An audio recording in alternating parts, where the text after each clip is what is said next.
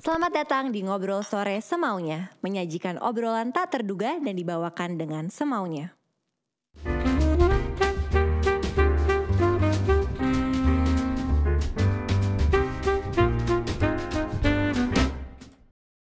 Selamat datang di Ngobrol Sore Semaunya bersama gue Putri Tanjung. Hari ini seru banget karena gue kehadiran wanita yang sangat menginspirasi uh, Mendirikan berbagai macam gerakan di dunia pendidikan. Uh, My sister from another mother and father dan ketemu besar. Sisternya dari mana? Mbak Najila Shihab. Mbak, how are you? Uh, doing great, seneng, um, sehat itu yang paling penting itu paling sekarang. Banyak yang perlu disyukuri ya kalau lagi pandemi gini Betul. bisa sehat, bisa kumpul, ketemu kayak gini. Kita udah lama banget gak Ah, ketemu loh super lama. Kapan ya terakhir Mbak? Pas peresmian kantor put itu yang Ya offline terakhir dari tapi April dong Ah, ah.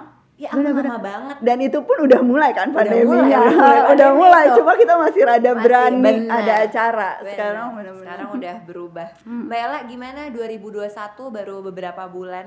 How do you feel? it goes faster kayak sebenarnya Iya, than iya I sih. expected. Benar-benar udah uh, sekian lama rasanya padahal setelah melewati 2020 tuh yang kayaknya kejer-kejeran gitu ya. Sebenarnya aku punya resolusi nih 2021 agak Mbak? uh, uh, lebih pelan sedikit.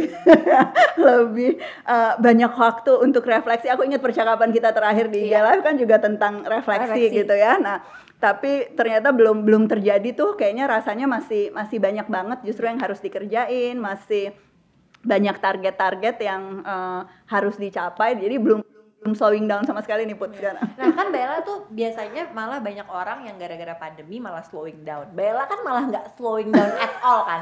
Malah sebenarnya kayaknya faster than ever deh di pandemi 2020. Sibuk apanya sih Mbak sampai 2020? Macam-macam banget karena justru kalau aku melihatnya kalau buat pendidikan ya, Iya. terutama bidang yang aku kerjain, pandemi tuh betul-betul momentum perubahan sih.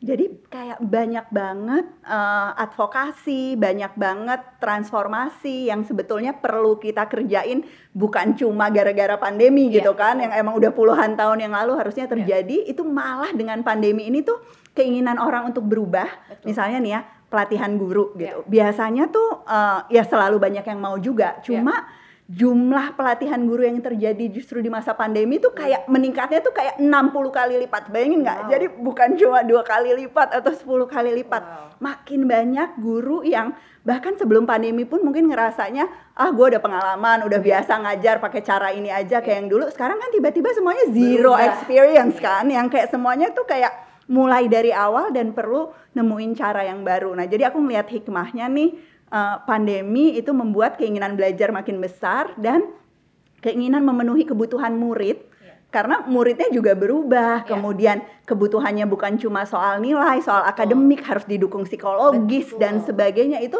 uh, kayak ada apa ya alarm yang bunyi kenceng banget di guru, di orang tua dan sebagainya. So, so of course I need to work harder gitu ya buat uh, belajar sama-sama dan ngedampingin sih semua pemangku Setuju kepentingan. banget sih mbak, karena kayak behavior sekarang berubah banget Apalagi anak-anak yang generasi alpha, Z Beda berubah banget. banget gak sih behaviornya mbak Apalagi cara sekolah dan segala macamnya Waktu kalau tahun 2021 ini ada project apa mbak Ella? Yang bakal uh, paling banyak tuh sebetulnya kita lagi nge-push untuk sekolah-sekolah merdeka berkarya dan guru-guru merdeka berkarya. Jadi kalau di my uh, theory of change gitu ya, sebetulnya kan modal untuk ngegerakin pendidikan tuh kemerdekaan berkolaborasi. Ya. Kenapa merdeka berkolaborasi? Karena selama ini tuh orang pendidikan tuh banyak banget yang nutup pintu gitu put. Ya. Ah, jadi ngerasanya oke ini kurikulum gue, ini profesi Ya, gue kita gitu kan. cerita banyak kita sempat ini. ngebahas kan Ya. yang soal di semua murid semua guru sebetulnya Iya. pendidikan tuh butuh bantuan dari semuanya ya Iya. dari media dari influencer dan Betul. sebagainya nah eh, nah jadi kalau orang udah siap berkolaborasi dan itu yang aku lihat terjadi di 2020 jadi tiba-tiba tuh yang kayak oke we need your help Iya. Yes. gitu kan pendidikan nah sekarang kita lagi push gitu ya udah eh, merdeka berkolaborasi terus sebagian besar lembaga tuh udah mempraktekkan si merdeka belajar. Nah kita sekarang mau mereka merdeka berkarya. Ngapain? Memberi manfaat yang seluas mungkin Ya. buat ekosistemnya. Jadi sekolah kalau punya program bagus jangan disimpan sendiri Betul. gitu. Kasih ke murid-murid sekolah lain. Guru kalau punya karya jangan cuma buat uh, murid di kelasnya sendiri gitu. Iya. Orang tua kalau tahu cara pengasuhan yang baik, bagi dong cerita Iya. kepada sesama orang tua lain. Iya. Nah, itu yang gue harap benar-benar bisa ngubah pada akhirnya ekosistemnya.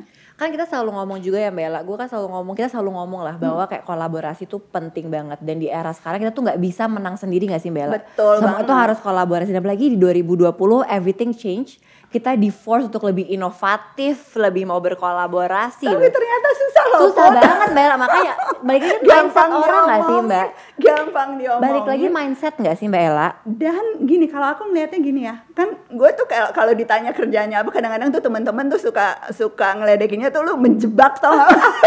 Jadi kan kalau ditanya teman-teman yang kayak ini lu bisa ada di sini gitu, kejebak sama Ella gitu kan yang kayak sebenarnya karena aku ngelihatnya orang kalau diajak kolaborasi iya iya, tapi terus kejadiannya tuh kayak susah, Iya, bener. lama dan Nah, kalau aku melihatnya tuh sebetulnya emang kita tuh harus punya ekspektasi bahwa kolaborasi itu nggak selalu berarti lebih cepat sih di awalnya. Jadi Iya. you need to anticipate bahwa there will be blockers gitu. Sometimes it will feel uh, harder karena Iya. kan harus nyamain paradigma, Betul. harus ngalahin ego bahwa ini Betul. bukan gue sendiri Iya. gitu kan, harus uh, build rasa percaya dan Iya. sebagainya. Nah, orang tuh kadang-kadang tuh nggak mau tuh Iya. merasanya itu tuh wasting time gitu Iya, loh, Put. iya, Karena kan iya. you need to build the relationship, semuanya harus engage at the same level. Nah, itu orang kayak ngerasa ya udah deh, gue lebih cepat sendiri, Iya. gue lebih menang sendiri Iya, dan sebagainya. Nah, itu yang pelan-pelan tuh kayaknya harus kita lawan sama-sama. Iya.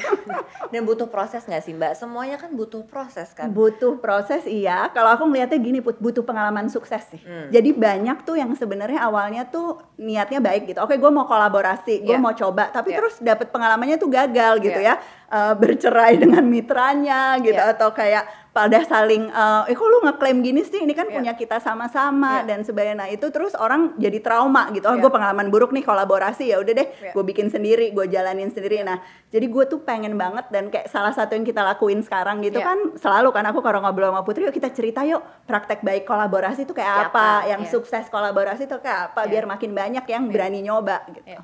Gue tuh selalu terinspirasi sama lo mbak karena lo tuh kan nggak patah semangat ya.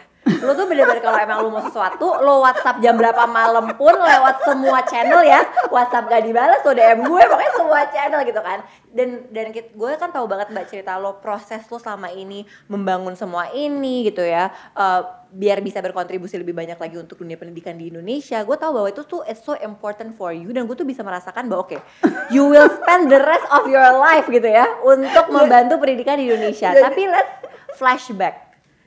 Kenapa sih Mbak? Kenapa menurut lo itu penting banget? Kenapa lo yakin what's the aha moment di mana oke, gue akan ngebantuin pendidikan di Indonesia? gue tuh ya dari kelas 2 SD gue udah tahu gue bakal ngerjain ini Tuh gila sih Mbak. bahkan dari sebelumnya jadi gue punya cerita nih gue kayaknya pernah cerita sih di satu uh, forum tapi mungkin ini kayak the second time I uh, tell this story Iya.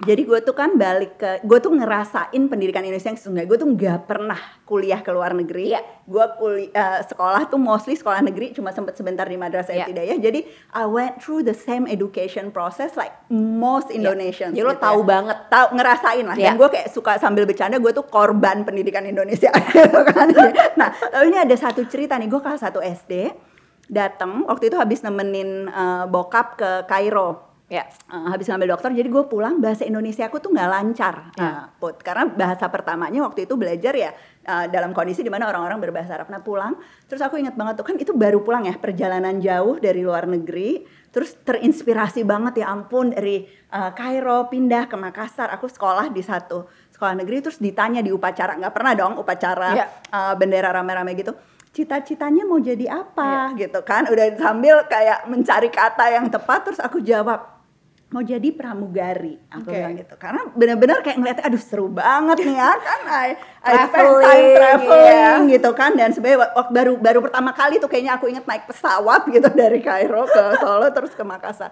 Nah terus habis itu tahu nggak gurunya tuh bilang apa? "Hah, pinter-pinter cuma mau jadi pramugari gitu. In front of the whole school. Really? gue anak kelas 1 SD aku kayak pramugari kan keren banget gitu kan. Maksudnya they're doing a lot of Yes. things dan sebagainya. Nah tapi terus tau nggak what I did? Gue diem gitu ya um, terus habis itu dia ngelanjutin pidatonya terus gue angkat tangan lagi. I wanna correct myself. Satu SD loh ya ini ya, satu SD. angkat tangan lagi. Salah aku mau jadi guru. Gue bilang. And then of course there comes the compliment gitu kan. Iya. yang kayak wah iya dong jadi guru Uh. guru ini gini gini. So so the first time I said I want to, to be a teacher itu it's actually for the wrong reason ya kan karena gue yang kayak Ya. pressure, gitu kan bahwa itu it's a better profession dan sebagainya. Nah, tapi right after that moment, and then I went through an experience di mana uh, ya betapa guru itu sangat berpengaruh terhadap kepercayaan diri, terhadap harapan anak itu terhadap diri sendiri. The more I'm convinced, emang gue nih harus jadi guru. Jadi gue tuh Ya. sejak kelas 2 SD, kalau ditanya mau ngapain, mau jadi guru, mau jadi guru, mau jadi guru. Kira-kira itu. Nah, Bella, tapi kenapa why is it so important apalagi untuk sekarang ya? Kenapa pendidikan berkualitas itu sangat penting untuk sekarang ini? Karena pendidikan tuh hulunya banyak banget masalah negara kan. Ya. Jadi gue tuh kalau ngelihat pendidikan tuh bukan cuma ngeliat, of course kalau it's so important for you sebagai person gitu ya, pendidikan tuh is your bridge to the future. Yes. Kalau lu nggak dapet pendidikan yang baik, maka lu nggak akan punya kompetensi untuk ngadepin tantangan apa pun Ya. gitu kan di masa depan. Dan masa depan itu bedanya tuh luar biasa sama masa sekarang. Jadi harus rada cenayang tuh pendidikan. Maksudnya kayak nyiapin, oke apa sih yang perlu di masa depan eh, dan harus disiapin dari sekarang dikasih experience-nya sekarang. Tapi more than just individual context buat negara ini Ya. pendidikan tuh akan menentukan maju atau enggaknya gitu kan. Nah, ini yang gue suka gemes gitu kalau orang bilang ya Indonesia di 100 tahun kemerdekaan gitu kan di 2045 kita akan begini begini begini which is penting tapi gue suka gini oke Indonesia di ulang tahun 100 tahun kemerdekaan itu tuh udah terjadi hari ini put Iya. udah terjadi di ruang kelas, Iya. udah terjadi di ruang keluarga. Iya. Jadi lu nggak mungkin tiba-tiba berharap, oke 2045 kita bebas korupsi Iya. gitu misalnya. Kalau sekarang di ruang kelas di pendidikan itu praktek korupsi itu Iya. masih ditumbuhkan. Lu nggak mungkin tiba-tiba ngomong oh demokrasi, berpikir kritis dan sebagainya. Kalau Hmm. Iya. anak-anak di kelas nanya aja takut gitu Iya. kan. Eh, perdebatan itu nggak ditumbuhkan. Betul. Jadi kayak come on, you're not waiting for 2045. You need to start working Di ruang now, kelas. gitu. di ruang kelas, Kelas, di ruang iya, keluarga. keluarga. Itu yang itu yang apa ya? Yang bikin kayak aduh ini harus nih udah nggak ada waktu lagi gitu. Iya. Nah, Mbak kan aku tahu ya, Mbak tuh selalu ngomong gemes banget sama pendidikan sekarang gitu ya. Now let's talk um, real ya lah Mbak ya gitu. Sekarang kondisi pendidikan sekarang ini, apalagi after the pandemic hit ini, sebenarnya kondisi sebenarnya itu seperti apa sih Mbak di lapangan? Dan yang aku selalu penasaran adalah kan sekarang tuh kita ada di mana generasi alpha sama generasi Z yang sangat dekat sama teknologi. Jadi sekarang tuh pendidikan di Indonesia itu seperti apa sebenarnya Mbak?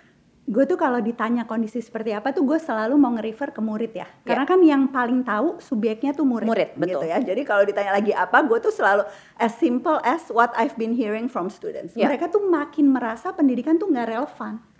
Jadi banyak banget sekarang murid mahasiswa yang ngerasanya gue ngapain ya?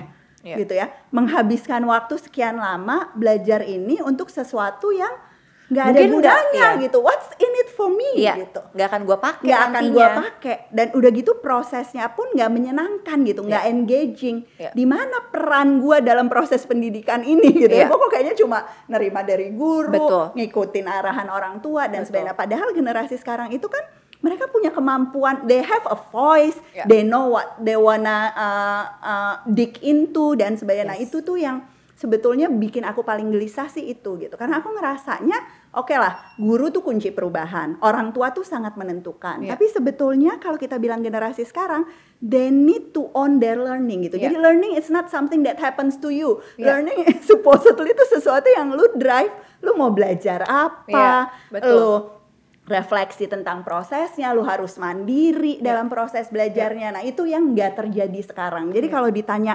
kondisinya sekarang ya makin banyak anak gitu ya, eh, murid maupun mahasiswa yang ngerasa jadi korban Iya. gitu kan karena makin ngerasa wah gue nih terpenjara nih di sekolah nggak dapet yang gue mau. bahaya banget gak sih Mbak? Bahaya banget karena yang kita mau kan orang yang terus belajar. Betul. Dunianya berubah, we Ya want kita someone yang Exact- ya kan? bisa adaptif. Betul, yang bisa adaptif. Nah, Iya. tapi kalau pengalaman belajarnya itu selama di sekolah ada pengalaman yang bikin kapok, gue nggak akan lagi deh mau Iya. belajar yang Iya. mematikan keingintahuan Iya. dan sebagainya. Maka ya gimana dia bisa jadi lifelong learner, gimana bangsa ini juga bisa jadi bangsa yang adaptif gitu ya dalam dalam era yang kayak gini. Nah, jadi itu yang yang menurut aku kondisi yang mungkin kelihatannya philosophical gitu ya sebenarnya, tapi itu masalah sih gimana kita ngasih si kendali terhadap proses belajar ini sebanyak mungkin ke Iya. murid dan itu tentu butuh butuh ya guru yang kompeten Betul. gitu kan butuh guru yang memberikan teladan Betul. butuh orang tua yang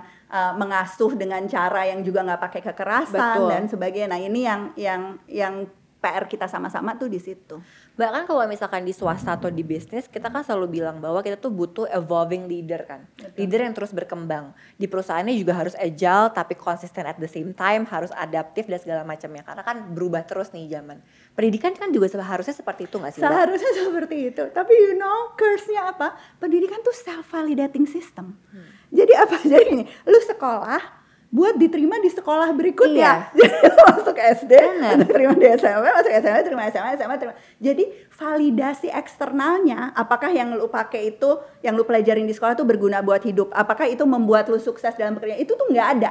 Sampai tiba-tiba di ujung, Iya. lu udah selesai, udah Iya. lulus SMA, udah Iya. lulus kuliah, terus eh ternyata gue nggak bisa apa-apa eh ternyata gue harus Nah. belajar lagi nah jadi sistem ini tuh kayak sangat pro status quo Iya. karena nggak pernah dapat feedback dari luar dan gue tahu sih kalau kalau misalnya orang pendidikan lain denger ini put dan yang ngomong bukan pendidik itu lu digebukin Iya, gitu. iya. Kalau maksudnya kayak lu tahu apa soal pendidikan ngejudge our Iya. uh, ecosystem dan Iya. sebagainya Nah, tapi gue tuh selalu mengatakan ini tuh buat catatan buat diri gue sendiri gue tuh guru gue tuh Iya. pendidik I Iya. am part of the system I've Iya. been doing this nah Yes. tapi I need to push myself juga untuk ngelihat keluar Iya. untuk kolaborasi dengan uh, berbagai bidang Betul. dan sebagainya karena that's how uh, I'm preparing the students for their future Yes. gitu yang nggak semuanya mau jadi guru gitu Iya, kan nggak gue nggak tahu tentang uh, dunia lain dan Betul. sebagainya Nah Mbak, talking about the system yang tadi Hmm. Mbak Ella bilang ya, how to change that? Karena kan tuh udah udah bertahun berpuluh-puluh tahun kan Mbak Ella. How Beratus-ratus beratus tahun nih makanya berpuluh tahun beratus tahun. How to change that and where to start?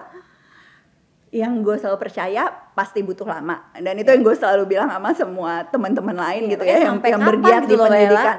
Eh, tebakan gue mungkin 30-50 tahun which is a very realistic number sebenarnya. Oke. kalau kita lihat dari pengalaman transformasi pendidikan berbagai negara. Jadi Oke. itu tuh kayak antara 50 sampai 100 tahun tuh masuk akal sebenarnya gitu. Nah, tapi Oke. kalau kita bekerja dengan amat sangat keras gitu ya 30 sampai 50 tahun eh, bisa dipercepat. Dan ini karena kita ngomong kondisi pendidikan Indonesia kan beragam banget. Ya. Jadi for for some schools, for some cities mungkin Iya. kayak dalam lima tahun kita udah bisa eh, lihat dan sekarang pun udah kelihatan gitu ya banyak eh, championnya, banyak yang udah punya praktek baik. Tapi Iya. kalau kita bicara seluruh Indonesia dengan segala kendala geografis, dengan kesenjangan yang ada, maka 30 sampai 50 tahun tuh menurut gue uh, realistis lah. And that's what I'm preparing myself for. Jadi kayak Oke. kalau lu tanya gue bakal kerja sampai kapan, sampai mati gitu kan. Masih 35 tahun lagi, kayak 30 50 tahun lagi. Nah, tapi kalau mulainya dari mana, gue tuh selalu percaya banget put sama perannya inovator sih. Hmm, setuju banget. Jadi orang-orang yang ngasih contoh Iya. sebetulnya praktek baik itu kayak apa sih? Iya. Menggerakkan perubahan tuh kayak apa? Iya. Orang-orang yang mungkin awalnya tuh kayak apa ya? The rebels gitu Iya. ya in the system, yes. yang orang yang berusaha cari cara berbeda Iya. gitu, yang yang somehow bisa ngelepasin diri dari uh, ekosistem yang mungkin nggak mendorong uh, uh, perubahan Iya. gitu. Nah ini ini yang kalau ditanya peran gue apa gitu, gue selalu ngelihatnya itu sih. Jadi Oke. simpul dari the innovators Iya. gitu dan nguatin mereka karena jadi innovators. Berat ya Mbak. Aduh, Berat kebayang kan? Maksudnya lu di Kebayang. dunia bisnis Kebayang. aja berat banget. Coba Berat deh buat banget. apa apa yang berat. Jadi Wah Mbak semua. Every single aspect. Karena kan ya, apalagi kalau misalkan talking about education kan, itu kan udah udah jadi sistem kan Mbak. Jadi Kalau dibully. every- exactly. If you wanna break something, you wanna change something, bahkan kalau misalkan even kita mau ngasih solusi kan nggak akan semuanya mendukung kan. Jadi you have to break the system in a way. Betul dan dan ya itu ya siap dijulitin, Iya, siap benar. uh, Mental. dianggap oh ya siap mental dan sebagainya. Nah, itu jadi nemenin inovator di Iya. pendidikan tuh jadi jadi peran yang aku tuh merasa amat sangat terhormat gitu ya bisa Iya. ngelakuin Sem- semata-mata karena gue tahu ini tuh maraton panjang Iya. rasanya sepi Betul. gitu ya kadang-kadang frustasi terus kayak nggak kelihatan ujungnya nih kayaknya gue udah bekerja keras luar biasa kok belum nyampe-nyampe gitu ya dan itu dirasakan tentu oleh semua, Semua, gitu bukan cuma aku atau bukan cuma uh, timku yang Iya. kerja bareng setiap hari nah aku makanya suka bilang juga sama murid sama mahasiswa kan Hmm. mereka sering banget tuh kayak komplain Ella ini guruku gini ini sekolahku gini Iya. dan sebagainya Nah, aku bilangnya selalu gini cari deh di antara 10 guru, di antara 100 guru itu tuh pasti ada yang oke. Iya. Paling enggak tuh 2% kalau dari Iya. pengalaman gue. Kadang-kadang bisa 20%. Jadi kalau lu punya guru 10 di sekolah, itu ada dua orang guru gitu Iya. ya.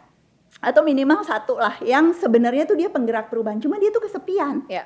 di sama guru-guru lain tuh di ngapain sih? Dibully ya, capek-capein dibully aja ya, gitu ya. Gajinya tetap sama Iya. ngapain apa. Nah temenin tuh si guru-guru itu Iya. gitu ya. Jadi karena sekutu utamanya penggerak-penggerak perubahan di pendidikan tuh anaknya Iya, muridnya.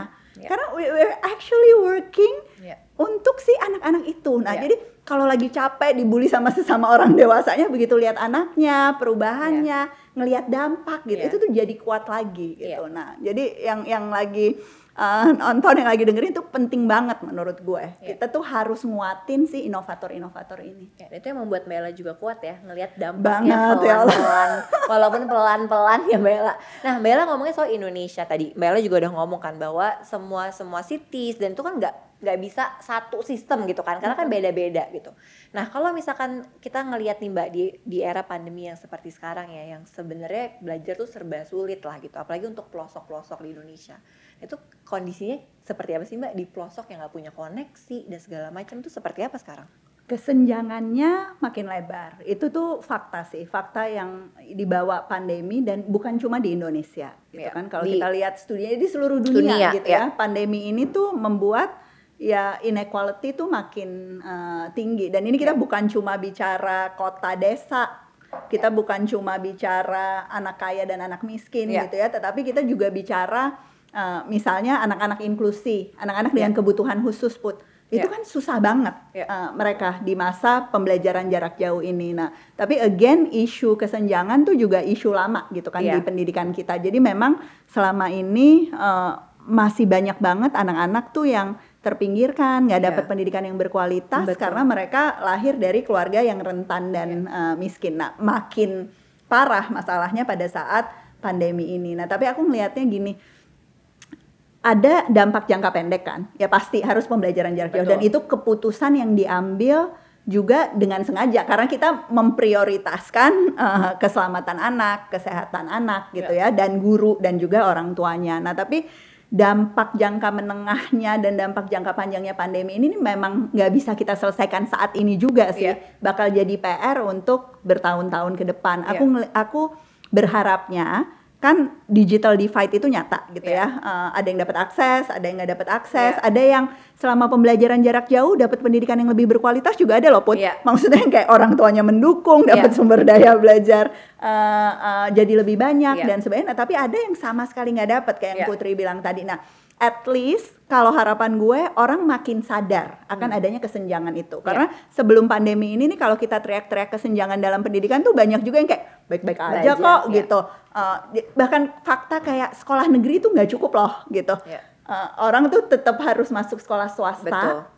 karena sekolah negeri nggak cukup dan sering kali yang masuk sekolah swasta itu adalah orang-orang yang miskin yang harus bayar Hmm. Iya. untuk masuk ke sekolah swasta untuk dapat kualitas yang juga sebenarnya nggak lebih bagus gitu Iya. ya karena kapasitasnya maksudnya fakta sesederhana itu aja tuh orang nggak tahu Iya. karena orang pikir kalau orang lihat oh masuk sekolah swasta tuh ngebayanginnya si sekolah sekolah swasta yang bagus-bagus Iya. kayak sekolahnya Putri dulu Iya. gitu ya kayak sekolah Iya. aku nah padahal itu dikit banget yang banyak tuh sekolah swasta yang dengan kapasitas rendah yang mau nggak mau tuh orangnya bikin karena di situ nggak ada sekolah negerinya nah jadi banyak banget fakta tentang pendidikan Indonesia tuh yang kita nggak sadari dan kita nggak ngelihat itu sebagai isu Iya. karena pengalaman kita terbatas banget cuma Betul. pengalaman kita sekolah dulu Betul. gitu kan nah, tapi nggak lihat potret ekosistemnya dengan dengan utuh nah gue soal privilege gitu ya misalnya itu juga sesuatu yang menurut gua penting gitu ya buat uh, kita semua sadar gitu Iya. murid dan mahasiswa. Jadi kalau if you are getting good education right now, if your parents are supportive parents,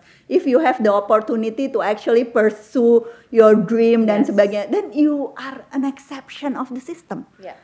That means you have more Responsibility, responsibility to do banget. something Betul. gitu. The more privilege you have, the more responsibility you have. Betul. Tapi gara-gara pandemi jadi banyak jadi eye opener sih ya Mbak. Iya, mudah-mudahan ya. ya. Mudah-mudahan ya Mudah-mudahan ya. Semoga semakin banyak orang yang bergerak membantu Mbak Eh, Ella. mudah-mudahan gak cepet lupa put aku suka takut aku suka takut gini oke nanti kalau pandeminya udah selesai jangan-jangan semuanya akan kembali ke masa lalu lagi tapi enggak lah I'm trying to be optimistic Iya. bahwa ini memang benar-benar apa ya kayak turning Iya. point dan dan ada habit yang yang uh, serta awareness yang kita Iya. bisa pertahankan. Dan semoga ini juga bisa menginspirasi sih Mbak untuk banyak orang untuk lebih bergerak di dunia pendidikan ya. Karena maksud aku kayak kita butuh lebih banyak Mbak Ella sih. Karena kalau misalkan Mbak Ella sendiri doang, enggak nggak aku- mungkin kan enggak, pertama lagi pertama banyak. aku nggak sendiri sama sekali banyak Banyak banget banget, banyak banget yang kerja Ya. yang kerja barengan tuh banyak banget dan penggerak-penggerak tuh luar biasa aku tuh Ya. ya put malah kadang-kadang aku tuh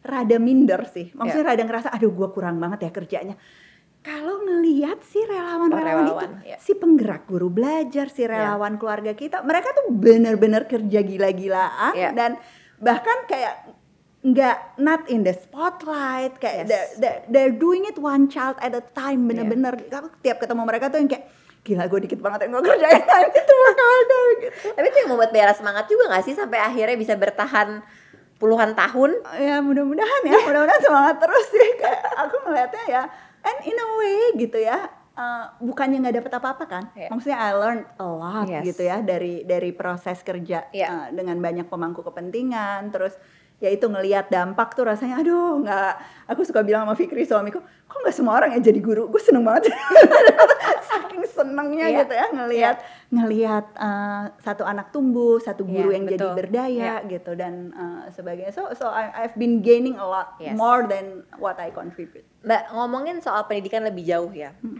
Um, in my opinion aku merasa gitu ya bahwa sebenarnya kan yang paling penting yang harus orang punya itu adalah emotional intelligence. Ya, dan itu sebenarnya kan harus dibangun dari sekolah, dari ruang kelas. Dan menurut aku juga yang paling penting salah satunya adalah authenticity. kadang-kadang tuh kayak kita tuh harus menjadi our authentic self. Tapi kan di dunia pendidikan, Mbak, itu kan udah udah ada sistemnya yang sebenarnya membentuk kita untuk menjadi seseorang. Bukan menjadi diri kita sendiri dengan mempunyai emotional intelligence yang baik. Nah, menurut Mbak Ella, pandangan Mbak Ella tentang ini gimana ya, Mbak? How gimana caranya kita bisa membuat lebih banyak lagi anak-anak yang di sekolah, di ruang kelas ya bisa express their identity gitu. ini tuh yang salah kaprah ya itu tuh soal standarisasi itu Hmm. jadi kayak banyak banget yang ngerasa tuh pendidikan tuh ya kayak mencetak tipe orang tertentu gitu kan Put. nah makanya. jadi ada standarnya nih semua Betul. orang harus mencapai si standar itu tanpa sadar bahwa ya benihnya beda-beda gitu kan Uh, preferensinya areas of interestnya beda-beda jadi lu kalau lu menyimpang dikit dari si so called standar yang baik itu dan you felt like you're apa ya kayak nggak included di dalam sistem, nggak Ya. appreciated dan sebagainya. Ya. Jadi kalau kita ngomong pendidikan yang ideal itu pendidikan yang sebenarnya personalized kan. Iya. Nah, tapi personalized itu kan juga nggak berarti sebenarnya satu anak satu guru Betul. gitu kan, atau uh, semuanya homeschooling di rumah masing-masing. Iya. Banyak banget cara, cara secara pedagogi, Iya. cara uh, uh, secara teknologi gitu untuk membuat si personalized education itu bisa Iya. terjadi. Nah, itu tuh sekarang my personal uh, thing gitu tuh adalah itu. Kenapa ada rencanamu gitu ya, kenapa ada sekolahmu yang aku inisiasi. Iya. Jadi yang berkaitan dengan integrasi digital tuh karena aku merasa teknologi tuh sebenarnya solusi Iya. untuk uh, banyak hal. Nah, Betul. di sekolahmu nih banyak eksperimentasinya dengan orang-orang yang bikin praktek baik uh, di kelas masing-masing, di sekolah masing-masing dan aku yakin banget teknologi lah yang pada akhirnya akan membuat ini tuh jadi bisa menjangkau semua dan setiap anak. Kalau Iya. sekarang mungkin baru ya kalau gue ngomong 10% juga kebanyakan kali Iya. ya. Nah, tapi kalau dari 83 juta anak Indonesia maybe less than 10%. Tapi kalau kita bisa pakai uh, teknologi, kita bisa meningkatkan kompetensi pedagogi Iya. uh, guru-guru, maka itu tuh akan jadi sesuatu yang nggak terlalu jauh gitu depan. Mbak, sebenarnya aku ada ada cerita yang belum orang tahu nih. Dia? Bella juga Bella juga belum tahu juga nih. belum tahu. Lu belum tahu nih. Jadi sebenarnya waktu gue sekolah, Mbak, waktu gue SD sampai SMP, itu kan gue sekolah di international Nah, school. gua tahu kalau ya bagian kan? ininya. Ya kan? Lo tahu sekolahnya di mana lo juga tahu, ya kan? Yang lo tahu bahwa itu kompetisinya super duper sulit banget, ya kan? Dan gue tuh bukan orang yang sebenarnya sangat educational banget. Maksudnya gue bukan yang suka matematika, sains dan segala macam. Jadi lu nggak academic oriented. Ah, iya, gue nggak academic oriented dan gue lebih suka organisasi dan segala macam. Dan gue kan lumayan stres ya mbak di situ dan gue merasa gue dibully karena gue nggak bisa punya nilai yang se- seperti teman-teman gue dan segala macam. Dan bahkan ini spoiler banget, gue tuh probation mbak. Oke. Jadi gue tuh naik kelas tuh gue probation. Kalau gue bilang gue nggak kaget, nggak kan? lu tersinggung nggak? gue tuh gue tuh probation mbak. Lu bayangin. Gue probation nih gue dikasih tiga bulan waktu untuk menunjukkan kemampuan secara you know educational Dengan standar dengan yang standarnya ditetapkan. mereka. Kalau enggak ya gue akan turun kelas gitu. Dan alhamdulillah- kontribusi lu yang lain tuh nggak kayak ha, Iya. bahwa lu punya kelebihan A B. C D sampai Z tuh nggak dihitung. Tapi yang yang membantu gue adalah escape gue di organisasi kan. Akhirnya gue bikin event. Apa dan itu tuh yang merasa itu yang membuat gue lebih em, bisa apa ya, bisa lebih kuat lah menghadapi ini semua gitu. dan I'm sure itu. family juga yang Nah exactly dan gue dan bersyukur banget karena sebenarnya ibu sama bapak kan mendukung di area itu kan mbak nge-push ya jadi gue selalu tahu bahwa oh, peran orang tua tuh penting banget. Nah menurut mbak Ella seberapa penting peran orang tua terhadap pendidikan anaknya dan seharusnya itu seperti apa sih mbak? amat sangat penting. Iya. Jadi orang tua tuh karena orang tua tuh figure constant kan di pendidikan anaknya. Jadi Iya. lu ganti guru, lu ganti sekolah Iya. gitu. Tapi orang tua kan ya dari mulai lahir sampai sekarang aja gue udah 40 tahun lebih gitu tetap aja orang tua berperan penting gitu Benar, kan benar. dalam uh, tumbuh kembang udah punya anak pula gitu. Betul. Jadi itu jadi gimana bahkan ya tahu nggak sesederhana gini ada penelitian yang lihat sebetulnya faktor yang paling menentukan kesuksesan anak tuh apa sih? Dan Ya. jawabannya apa? Harapan orang tuanya pada dia. Hmm. Jadi just by having a parents that believes in you dan ini parentsnya nih nggak harus pengusaha kondang, nggak harus S3 Iya. Betul. dari mana. Jadi bahkan petani gitu ya dengan eh, area yang sangat kecil gitu ya, susah dan sebagainya. Tapi kalau dia punya harapan tinggi ke anaknya, dia percaya, dia mengatakan pada anaknya bahwa kamu tuh bisa loh, kamu tuh eh, punya kemampuan untuk itu. Itulah prediktor utama kesuksesan anak. Terlepas dari dia sekolah di mana, dia gurunya di mana, itu yang Aku setuju. yang membuat aku tuh melihat pendidikan keluarga tuh penting, Penting, banget. iya. Karena it's not rocket science gitu. Yes. Jadi ngajak ngomong anak, sesederhana ngajak ngomong anak gitu kan. Itu dan ngajak ngomongnya again nggak harus kayak dari majalah berita atau apa cerita ini loh daun warnanya kayak gini kayak gini atau pedagang di pasar cerita nih dagangan kayak gini ini teman mama eh teman bunda teman ibu eh, pakai sendalnya kayak gini apa itu aja tuh udah efeknya ke kosakata yang didengar anak, efeknya ke kemudian pemahaman bacaannya, efeknya ke hasil tesnya itu tuh Ya. gede banget. Nah, ini tuh yang yang apa ya? kurang digarap sih sebetulnya gitu. Karena orang banyak ngomong soal pendidikan itu sama dengan persekolahan. Ya. Padahal pendidikan di rumah, di keluarga, Ya. apa yang dilalui anak sehari-hari itu faktornya jauh lebih besar sebetulnya. Dan aku setuju sih mbak karena aku selalu bilang kan aku bersyukur banget pendidikan keluarga aku tuh orang tua aku ya especially itu luar biasa banget kalau nggak aku nggak akan ada duduk di sini nih mbak ngobrol sama mbak Udah, Ella gitu dikeluarin dari sekolah dan, dan kemudian terpuruk dan merasa lu nggak bisa apa-apa dalam hidup lu. bener banget mbak Ella lo adalah ibu yang seperti apa sih ke anak-anak lo bawel kah protektif kah Gue, lu harusnya nanya Pak ini lah nih. Gue apa ya? Kalau kata anak-anak gue suka, bawel deh, Mbak. gue suka nanya kan, mami gimana sih? Jawabannya lumayan. Jadi ya udahlah, berarti gue pass the bar gitu sebagai sebagai orang tua. Gue gue sih nggak overprotective sih. Gue tuh cenderung mungkin karena gue tuh apa ya gue gampang percaya. Bukan cuma ke anak-anak sih maksudnya ke semua orang ke semua orang. Jadi gue yang kayak gue yakin mereka bisa. Jadi gue tuh bukan bukan ibu yang terlalu khawatir gitu Ya. tentang eh, banyak hal. Jadi ya kasih kesempatan yakin eh, bisa gitu ya gue banyak ngomong pasti, Pasti. Ha, jadi banyak nggak cerita. sama anak aja kan gue banyak cerita jadi so selalu ini ya kayak full of conversation Iya, gitu very open lah ya, Mbak Ella. uh, ngebahas banyak hal kalau parentingnya ibu dan bapak mbak Ella gimana ke mbak Ella mirip in a way Mirip. Uh-uh.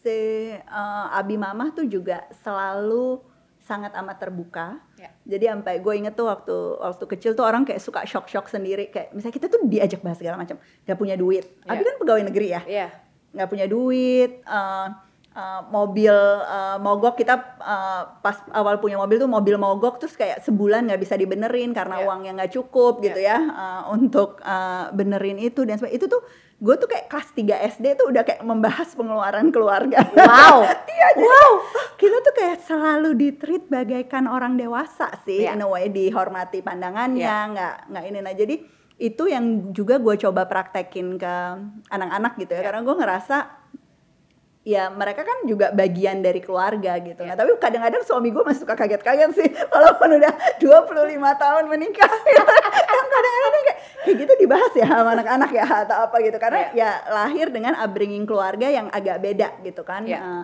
soal itu. Tapi aku ngerasanya eh, dikasih kepercayaan, dikasih kesempatan, Iya. itu tuh ngaruh banget sih buat Iya. buat bikin kita tuh juga lebih percaya diri Iya. dan uh, ini yang mudah-mudahan sampai titik ini tuh udah gue coba praktekin ke anak-anak lah. Nah kan Bella kan punya anak perempuan, Hmm, aku dua. juga kenal, Ah, ya kan ah, aku juga kamu kenal, kenalin aku kenal. So aku tahu bahwa kayak dia tuh berani banget untuk bicara, dia berani untuk speak up, dia berani untuk bikin project-project dia yang dia passionate about gitu kan. Nah Mbak kan kita tahu bahwa um, woman equality atau woman empowerment tuh lagi sering banget diomongin sekarang gitu. Dan kita bersyukur banget kita punya platform kita ada di kota besar di mana kita bisa express dan speak up tentang our concerns and issues yang kita pingin raise gitu. Cuma kan nggak semua orang nggak semua perempuan punya Punya. kesempatan yang sama mbak untuk berkarya untuk speak up gitu. Nah menurut mbak Ella sendiri what's the biggest problem a woman equality di Indonesia? Kalau aku ngelihatnya yang pertama dan ini mungkin banyak yang sebel karena nggak semua perempuan tuh ngedukung perempuan lain juga. Iya. Itu menurut gue basic isunya. Jadi kita nih kan woman equality. aku suka gemes gak sih banget karena gini jadi kalau kita ngomong kesetaraan tuh kita tuh bukan lagi mau ngelawan cowok-cowok kan bukan lagi kayak oke kalau kalau perempuan setara tuh berarti laki-laki kalah Nah, tapi Betul. masalahnya tuh bahkan sebelum trying to convince the other gender itu tuh kita di dalam lingkungan perempuan sendiri tuh gue pernah nulis gue ada buku kan cinta untuk perempuan Iya. tidak sempurna tuh tulisan pertamanya tuh perempuan versus perempuan Iya. jadi kayak banyak banget yang mungkin karena kalau analisa gue di situ merasa limited kan space-nya Exactly. buat perempuan. Jadi kayak jadi lebih kompetitif gitu Betul, kan. Oke. iya. Jadi kalau gue nggak dapat, ini dia juga sebaiknya nggak dapet. Mending dikasih ke Iya. yang lain gitu Betul. kan. Nah, attitude-attitude kayak gitu tuh yang sebenarnya menurut gue jadi penting banget kalau kita Iya. ngomong soal kesetaraan gender, soal eh, bagaimana perempuan mendukung perempuan lain tuh dimulainya dari kecil banget put. Aku Karena itu secara nggak sadar mungkin dari kayak pertemanan di sekolah, geng-gengan dan sebagainya itu that kind of culture adalah uh, culture yang kita tumbuhin ke anak-anak perempuan yang Iya. masih kecil-kecil ini juga gitu kan. gue setuju banget karena tadi bener sih kata Mbak Ella karena limited seat kali ya Hmm. jadi kayak ngelihat banyak orang banyak perempuan semoga nggak banyak sih Mbak ya Hmm. ada beberapa perempuan yang ngelihat kalau perempuan tuh lebih dari mereka tuh merasa jadinya kompetitif kan jadi Hmm. nggak suka gitu tapi gimana ya Mbak cara merubah itu ya Pendidikan tentunya. balik lagi ya Balik balik lagi ke core-nya ya tapi tapi sebetulnya again contoh kan, contoh. Maksudnya kayak gue kayak bukan berarti juga gue kayak eh, dengan sengaja memilih perempuan ya, tapi gue merasa gue tuh sebagai leader perempuan di organisasi gitu ya. Gue punya tanggung jawab lebih untuk Setuju. memastikan si perempuan-perempuan yang bekerja bersama gue gitu ya di Ya. dalam tim di relawan tuh benar-benar tumbuh dan maju Yes. dan termasuk nyeimbangin perannya put betul nyeimbangin peran jadi maksudnya kan karena perempuan tuh ya laki-laki juga sih tapi terutama perempuan ekspektasi terhadap peran gandanya kan tinggi banget betul lo harus sukses di rumah Yes. lo harus sukses di kantor Yes. lo harus jadi menantu yang baik Ya. lo harus ya bener-bener semua semuanya semua nah multi tapi peran bener dan kadang-kadang itu yang dinegasikan kan gitu Ya. nah ini yang yang catatan buat diri gue sendiri juga selalu adalah oke gue tuh kalau jadi leader di organisasi tuh nggak bisa cuma mikir oke dia produktif apa enggak Ya. gitu kualitas kerja gimana tapi gue harus make sure dia yang kayak sempat ngerawat anaknya Betul. bisa balance uh, kehidupannya dan Betul. sebagainya And I think the more people are doing it uh, itu uh, akan makin tumbuh lah ya ekosistem yang baik dan ngedukung peran perempuan Baik lagi examples ya Mbak, Betul. contoh. Mbak, kan di Indonesia tuh masih ada stigma di mana perempuan tuh harus memilih. Enggak lah, gue gak percaya. Dari Nah, kecil juga makanya dia- nih, makanya dari kecil dari kecil juga diajarin apa ya kayak nggak ada you can get everything sih. Exactly. Maksudnya nggak nggak selalu berarti sempurna Semuanya, dan nggak selalu berarti uh, balance setiap saat, tapi Iya. nggak nggak harus milih. Iya, setuju. susah sih put. Susah banget ya Iya. ampun ya untuk untuk uh, menyeimbangkan berbagai Juggle peran everything. itu gitu ya. Setiap hari orang suka nanya kan yang kayak Bella bagaimana membagi waktu? Gue kayak "Hmm, gimana apa sekarang juga kayaknya masih juggle dan berusaha. Tapi I I I, I learn to forgive myself juga gitu ya berusaha. Dan lingkungan yang suportif tuh ngaruh banget sih setuju banget Karena perempuan tuh kan ibaratnya gini loh, nggak pakai disalah-salahin sama dunia juga lu udah nyalahin diri sendiri. Terus yang udah, oke, kok kurang banget ya ini. Gue kayak I need to do better." kan.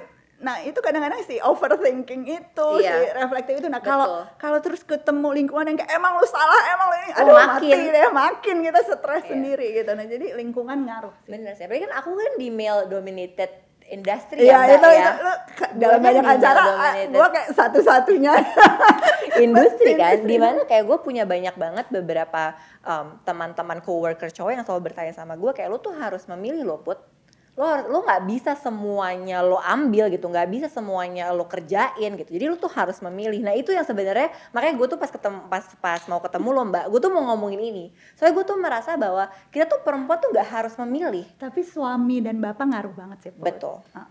betul karena I agree. maksudnya eh, kadang-kadang buat banyak orang itu tuh justru hambatannya itu kan dari keluarga Iya. jadi bukan bukan tentang apa ya eh, budaya atau miskonsepsi di Iya. masyarakat tapi ya ya suaminya nggak suportif Iya. gitu ya Eh, Bapaknya memaksa memilih orang tuanya, bapaknya iya. punya pandangan yang memberikan batasan-batasan Iya. untuk perempuan jadi Iya. jadi itu juga PR sih itu juga Betul, PR dan setuju. itu uh, sebetulnya kita butuh banyak bantuan laki-laki juga yang jadi contoh Iya. selain perempuan yang jadi Betul. contoh gitu ya Betul, betul. Uh, ya kan yang kayak bapak yang ngasih kesempatan anak Betul. perempuannya uh, sekolah Betul. maju mimpin gitu ya Betul. suami yang uh, nggak keberatan bahwa istrinya tuh sebetulnya pada saat berkontribusi di luar rumah itu Iya. juga sebenarnya membawa sesuatu ke dalam rumah Betul. kan jadi teladan buat anak-anak uh, perempuannya jadi teladan buat uh, warga di sekitarnya. Nah ini yang yang kita perlu juga. Jadi nggak mungkin lah woman equality itu tercapai dengan cuma Perempuan perempuan-perempuan yang bekerja gitu. Harus sama-sama. sama-sama. Setuju sih. Dan aku bersyukur banget sih mbak bapak kan dari aku kecil selalu bilang kan bahwa hey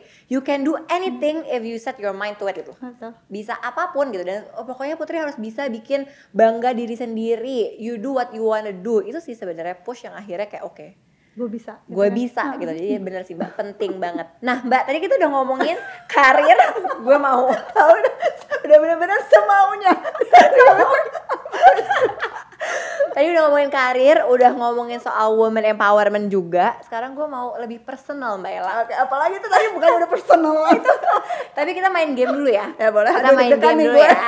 Gue deg-degan karena gue harus menang loh apa sih Ella udah pakai menang-menang ya. kompetitif deh jadi gamenya adalah jawab semaunya Oke. wow ada deg-degan ya jadi cara mainnya adalah mbak Ella tinggal lanjutin statement dari aku oke Oke, Oke. siap? Gak boleh mikir harus langsung ya. Oke.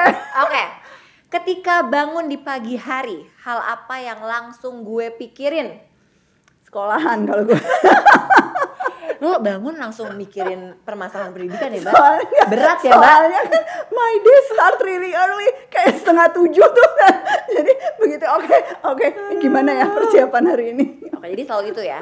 Kerjaan ya, balik lagi ya, Mbak ya. Oke, yang kedua, waktu kecil hal yang paling memalukan atau unik yang pernah gue lakukan atau alami adalah gue lupa. Apa enggak gue sedang megang kuping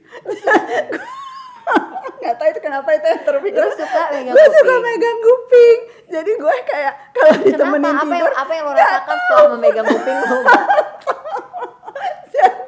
jadi gue inget pernah kayak orang bukan lagi ditemenin mama atau abi tapi kayak keluarga jauh gitu. Tiba-tiba gue megang-megang kupingnya gue inget kayak gue balita deh. Tuh kayak malu banget.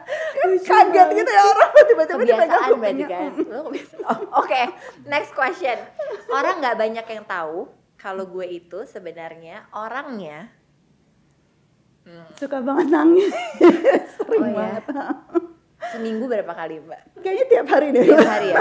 Apa sih yang lo biasa tangisin mbak? Nggak ada. Jadi gue tuh emang it's just kayak nangis Emotion ya? is my way to deal with emotion. Jadi gue seneng nangis bangga nangis terus kayak lagi sayang banget sama anak-anak nangis, Nangis. gitu jadi gue kayak sering banget jadi gue udah menganggap itu kayak bagian yang normal dari mengelola emosi. Bukan kayak nangis terseduh-seduh Iya, atau iya, apa iya, ya iya. tapi kayak lagi ngobrol iya. gitu sama teman kerja gitu misalnya ngasih feedback atau apa gue suka tiba-tiba terharu Iya, iya. meneteskan air eh mata kita pernah tahu mbak ngobrol di PS lo nangis.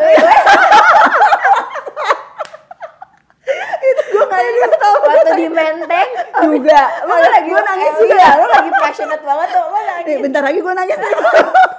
Hari ini lo udah nangis belum mbak? Hari ini belum, tapi kayaknya ntar siang. Oke, gue paling bete kalau menghadapi situasi seperti Hmm, situasi seperti ini terus terang ya, gue harus kayak mengulang-ulang sesuatu pada orang yang nggak percaya sama paradigma yang sama, tapi gue kayak I don't know when to stop. Jadi kayak gue ngulang-ngulang terus, yeah. Terus ya mereka kekeh terus gitu ya. Terus gue yang kayak suka bete banget yang kayak oke I should have known gitu, tau kan kayak dari awal nggak usah ngulang-ngulang hal yang sama. dan gitu. harusnya lo fokus ke orang yang emang mau berubah Iya sih, betul Mbak? betul. tapi kadang-kadang itu nggak sih mbak kadang-kadang lu nggak bisa menghindari Iya. nggak bisa menghindari Benar. jadi gue gue percaya banget yang lu bilang bahwa ya kayak let's focus on the fellow innovators Iya. gitu ya nguatin jaringan yang udah ada tapi ada situasi-situasi di mana ya harus advocate Betul. ke pihak-pihak yang ya udahlah ini kayaknya udah laggard sudah nggak mungkin lah itu Iya. gue kayak aduh frustasi sih kadang-kadang di situ tapi I know I'll come back tapi ya I need time dulu untuk yang paling penting you know when to stop nggak sih mbak karena nggak Iya. semua orang emang bisa berubah mbak Iya, iya, iya. Iya. Tapi gue sampai sekarang pun gitu ya, walaupun udah puluhan tahun kerja, gue suka kadang-kadang ngerasa gue rada kelewatan kayak I should have stopped a week ago atau apa gitu yang kayak oke ya udah now I know. terus semangat, Bella. Ya, gitu ya. Gue kayak berharap mungkin pada akhirnya orang akan teriakin. semuanya iya makanya oke next Bella gue ilfeel banget kalau menghadapi orang yang sombong. Hmm. Gue nggak tahan sama orang sombong. Jadi gue sebagai psikolog ya, sebagai psikolog tuh kan gue terbiasa untuk berempati terhadap berbagai sifat orang yang berbeda kan Iya. Put. Maksudnya gue tau lah semua orang punya temperamen, semua orang punya alasan atas kelakuannya. Tapi gue nggak tahan sama orang sombong. Iya. Gue ngerasanya karena gue juga ingat gue tuh diajarin sama bokap juga sih. Abi tuh selalu bilang sombong itu adalah eh, perilaku manusia yang paling dibenci Tuhan. Iya. Kenapa? Karena apa sih lu yang Iya, mau lu sombongin gitu ada iya. Allah yang tuh, maha iya, kuasa dan betul. sebagainya lu mau sombong apa gitu. Iya. Jadi gue gak tahan kalau ketemu orang sombong minta maaf gue Iya, mendingan lari deh. Dan lo sering gak sih mbak menghadapi itu? Sering gak lo berinteraksi sama orang sombong? Sekarang enggak, sekarang enggak, tapi lebih karena gue ngerasa gue udah melakukan sesuatu kan. Jadi orang sombong itu biasanya tuh sombongnya tuh ke orang yang dia nggak anggap. Tahu kan? Jadi Tahu. maksudnya kalau sekarang tuh karena gue misalnya mungkin udah eh, oh orang tahu dia ngelakuin ini di pendidikan, jadi orang yang sesombong apa pun sama orang lain Akan tuh ngerem ya? ngerem Iya. kalau depan gue. Tapi kan gue tahu dia gimana dia memperlakukan orang lain dan Iya. so gue kayak oke lu nggak sombong sama gue tuh nggak berarti lu nggak sombong gitu. Iya. Gue tahu lu sebenarnya sombong. sebenarnya sombong gitu. Cuma lu nggak berani aja dan itu gue aduh sebel gitu. Mbak kan tadi kan lo belajar psikologi ya mbak. Nah gue jadi penasaran nih. Sebenarnya orang sombong itu kenapa sih mbak? Ah, macem-macem ya, Iya. macem-macem. Ya maksudnya kadang bukti uh, insecure. Jadi Betul. ngerasa bahwa ya kalau kalau I I convince others enough, then uh, myself juga will be convinced Yes. gitu ya, dan dapat uh, boost to Iya, the uh, self-esteem-nya ego ya, self esteemnya jadi uh, naik. Iya. Kadang-kadang juga orang yang terlalu kompetitif tuh juga jadi sombong banget sih Betul. gitu. Karena ya itu again ngerasanya yang kayak oke, ini gue harus apa ya? Ngebrand uh, and Diri ngebrag gue, diri gue iya. gitu tentang tentang sesuatu tapi gue kayak selalu ngerasa kayak if you're really shining you don't have to say anything and Exactly. ini kan Iya benar sih. Baik lagi harus bersyukur gak sih mbak? Heeh. Banyak-banyak bersyukur. Oke, next nih mbak. Ini ini pertanyaan favorit gue. oke nih. apa gue deg Orang tua gue nggak tahu kalau dulu gue pernah. pernah keluar kota tapi nggak bilang Umur berapa? Ke mana? Coba jelaskan mbak Ella. jelaskan. gue oke ini I need to have a session with my parents walaupun tebakan gue udah tahu jangan-jangan jadi asli ya ya biar SMA SMA mama sama Abi nggak ada gue berangkat pagi pulang malam nggak nginep sih cuma tetap aja luar kota. kota. Oh my god mbak. aduh minta maaf putri nih Oke, kayaknya Mbak Ella harus telepon orang tuanya ya setelah ini ya untuk memberikan penjelasan. Oke, Mbak, hal yang paling berubah dalam hidup gue dulu dibanding sekarang adalah gue dulu again Abi sama mama pegawai negeri kita tuh ada pernah ada periode di mana susah banget Iya. financially. Iya. Jadi ya nggak banget sih maksudnya kayak dibandingin sama masyarakat lain tapi eh, nggak punya keleluasaan secara ekonomi. Nah Iya. sekarang gue ngerasanya eh, gue suami gitu membesarkan anak dalam kondisi ekonomi yang jauh lebih mewah gitu ya, yang jauh lebih berada dibandingin pengalaman gue kecil dulu. Iya. Dan itu yang kadang suka bikin gue deg-degan. Ah, kenapa mbak? Kenapa bikin lo deg-degan?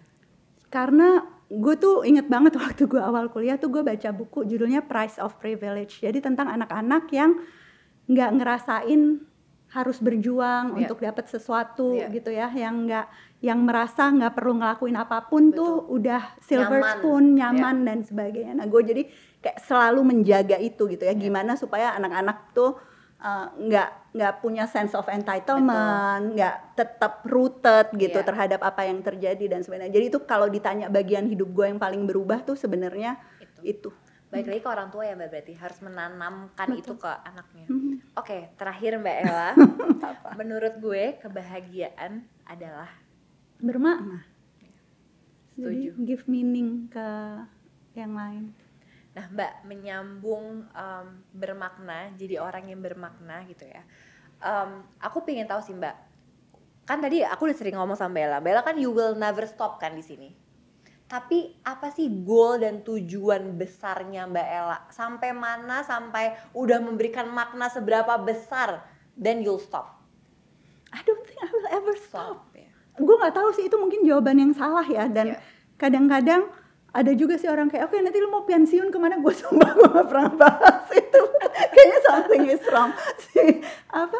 Nggak kebayang berhenti sih. Mungkin juga karena gue kayak apalagi sekarang I I I gue udah mulai pede lah bilang gue penulis gitu ya. Iya. karena gue udah bikin Buku. cukup banyak buku dan Iya. sebagainya. At least on that part I might I might not continue kayak keliling ketemu guru ketemu murid ke sekolah terpencil. Itu mungkin bagian itu akan berhenti gitu ya kalau gue umur 70 atau 80 Iya, gitu ya iya. misalnya. Tapi gue ngerasanya paling nggak nulis tentang pendidikan, res uh, awareness tentang uh, itu gitu ya, meluruskan miskonsepsi dan sebagainya.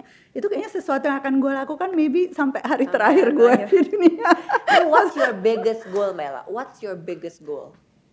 Menyelesaikan masalah kesenjangan sih. Iya. Gue tuh masih gemes banget soal gimana scale good quality education. Oke. Jadi gue kayak gue ngerasanya tuh sekarang tuh untuk ngumpulin best practice, untuk bikin uh, sekian ratus sekolah berubah, untuk uh, kerja sama 100 ribu guru dan sebagainya. Tapi gimana ya nyampe ke si 83 juta anak, 56 juta, itu itu itu yang gue kayak karena the biggest issue adalah si kesenjangannya sih. Itu yang lo pikirkan setiap hari Ah, pas lo bangun tidur ya, Mbak? Gimana nih? Nggak, karena gue ngerasa gini, gue selalu ngerasa gini, harus nyoba 100 cara kan, Iya. baru ketemu gitu. Nggak ada nggak ada kayak satu solusi yang akan menyelesaikan semua masalah. nah, Iya, jadi betul. sebelum sebelum gue nyoba 100 100-nya tuh gue ngerasanya yang kayak ya udah gue harus ngelakuin itu dulu Iya. gitu. Harus nyoba dulu. Mbak, aku so penasaran seberapa penting peran suami Mbak Ella. Aduh ya Allah, sangat amat penting. Pertanyaannya belum keseharian, selesai. di keseharian Mbak Ella dengan semua goal yang Mbak Ella mau capai, seberapa penting peran suami Mbak Ella? Put, gue tuh kan nikah muda banget ya. 19 tahun kan? Ya 18 sebenarnya. 18 tahun 3 bulan cuma gue supaya karena udah masuk tahun 95 jadi gue udah kayak 19. 19 gitu jadi nggak terlalu memalukan.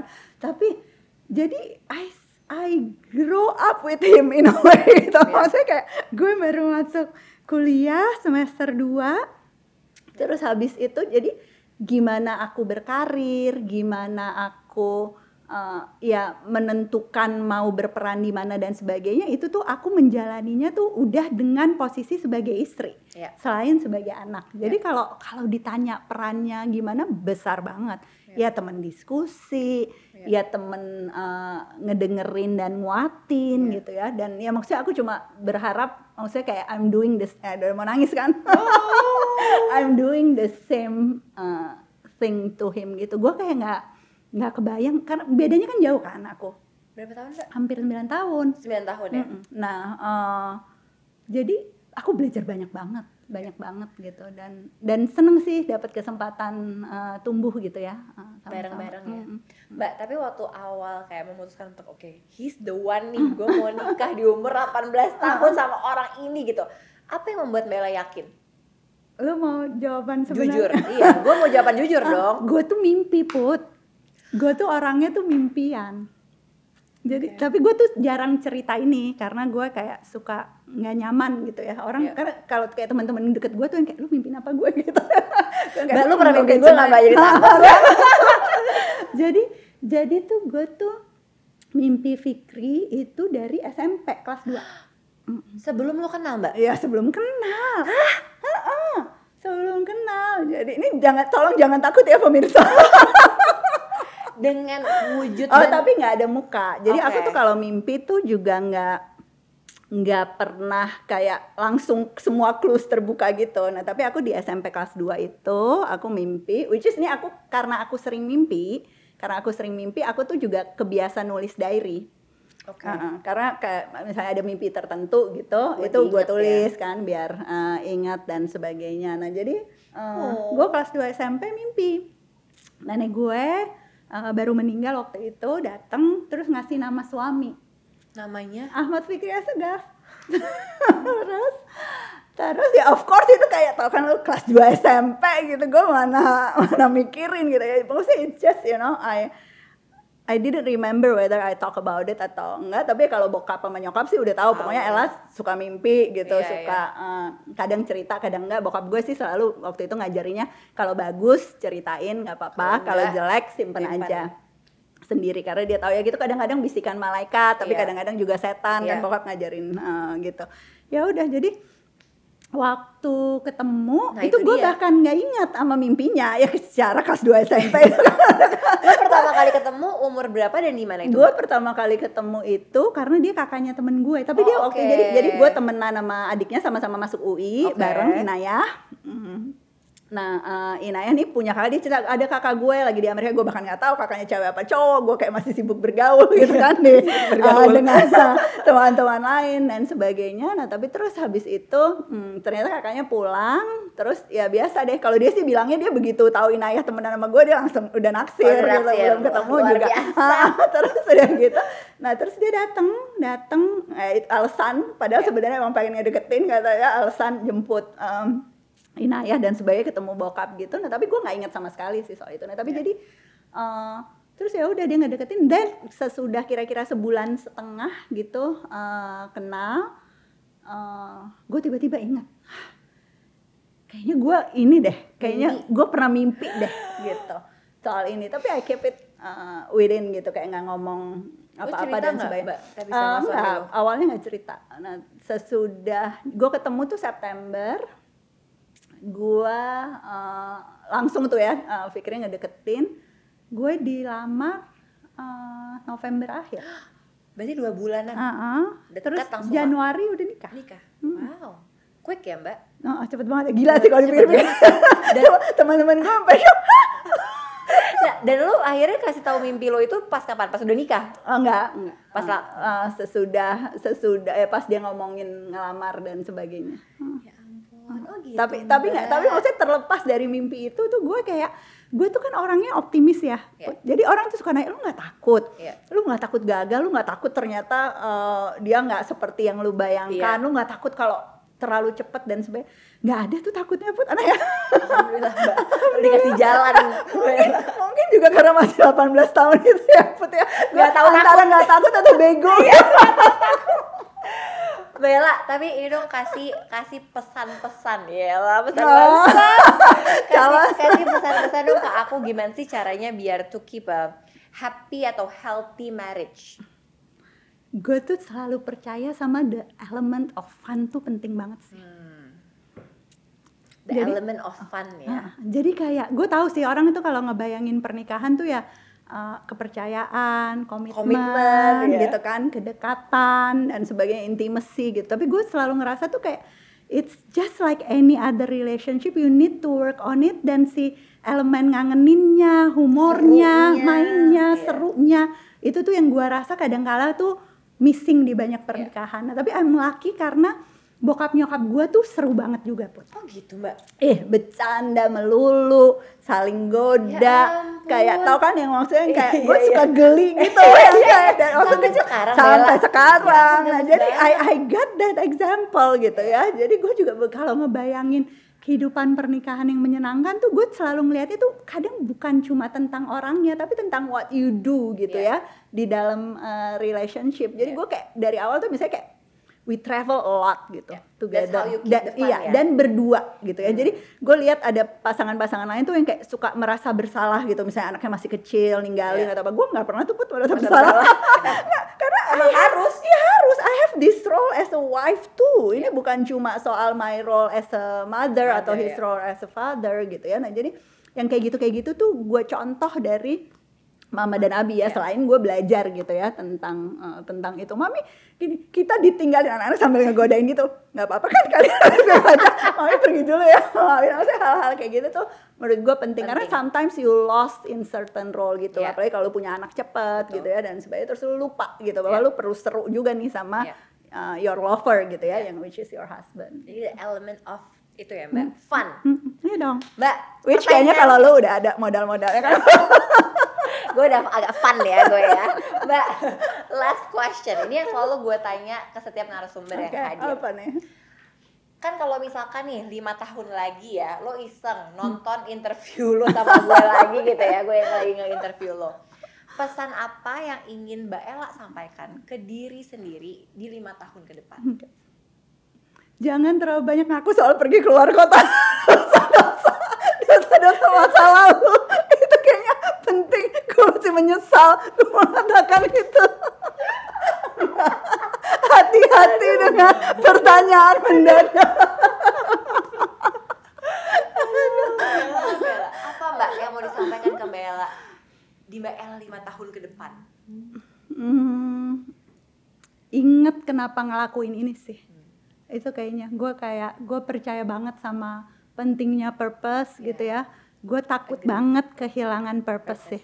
Itu yang gue paling takut. Jadi mudah-mudahan kalau gue lihat ini lima tahun lagi atau 10 tahun lagi gue Iya. kayak Ingat. purpose-nya ah, lagi. kenapa Bella, thank you so much. sama-sama Thank you for Sama-sama, inspiring us. Semangat Aduh, Mbak. terus Mbak Ella. Cannot wait Makasih. for all our collaboration ahead pasti ya Mbak. ya. pasti makasih ya Put Thank lu you banyak so banget much. bantuin banyak banget bantuin pendidikan Aduh, Mbak Ella banyak juga, banget Mbak bantuin Ella anak-anak juga. Mbak. thank you Thank makasih you so banyak much Bella. Terima Sama-sama. kasih Bella. Terima kasih teman-teman semua yang udah nonton. Jangan lupa untuk terus nonton ngobrol sore semaunya. Hari Kamis jam 6 sore hanya di CXO Media. Dadah.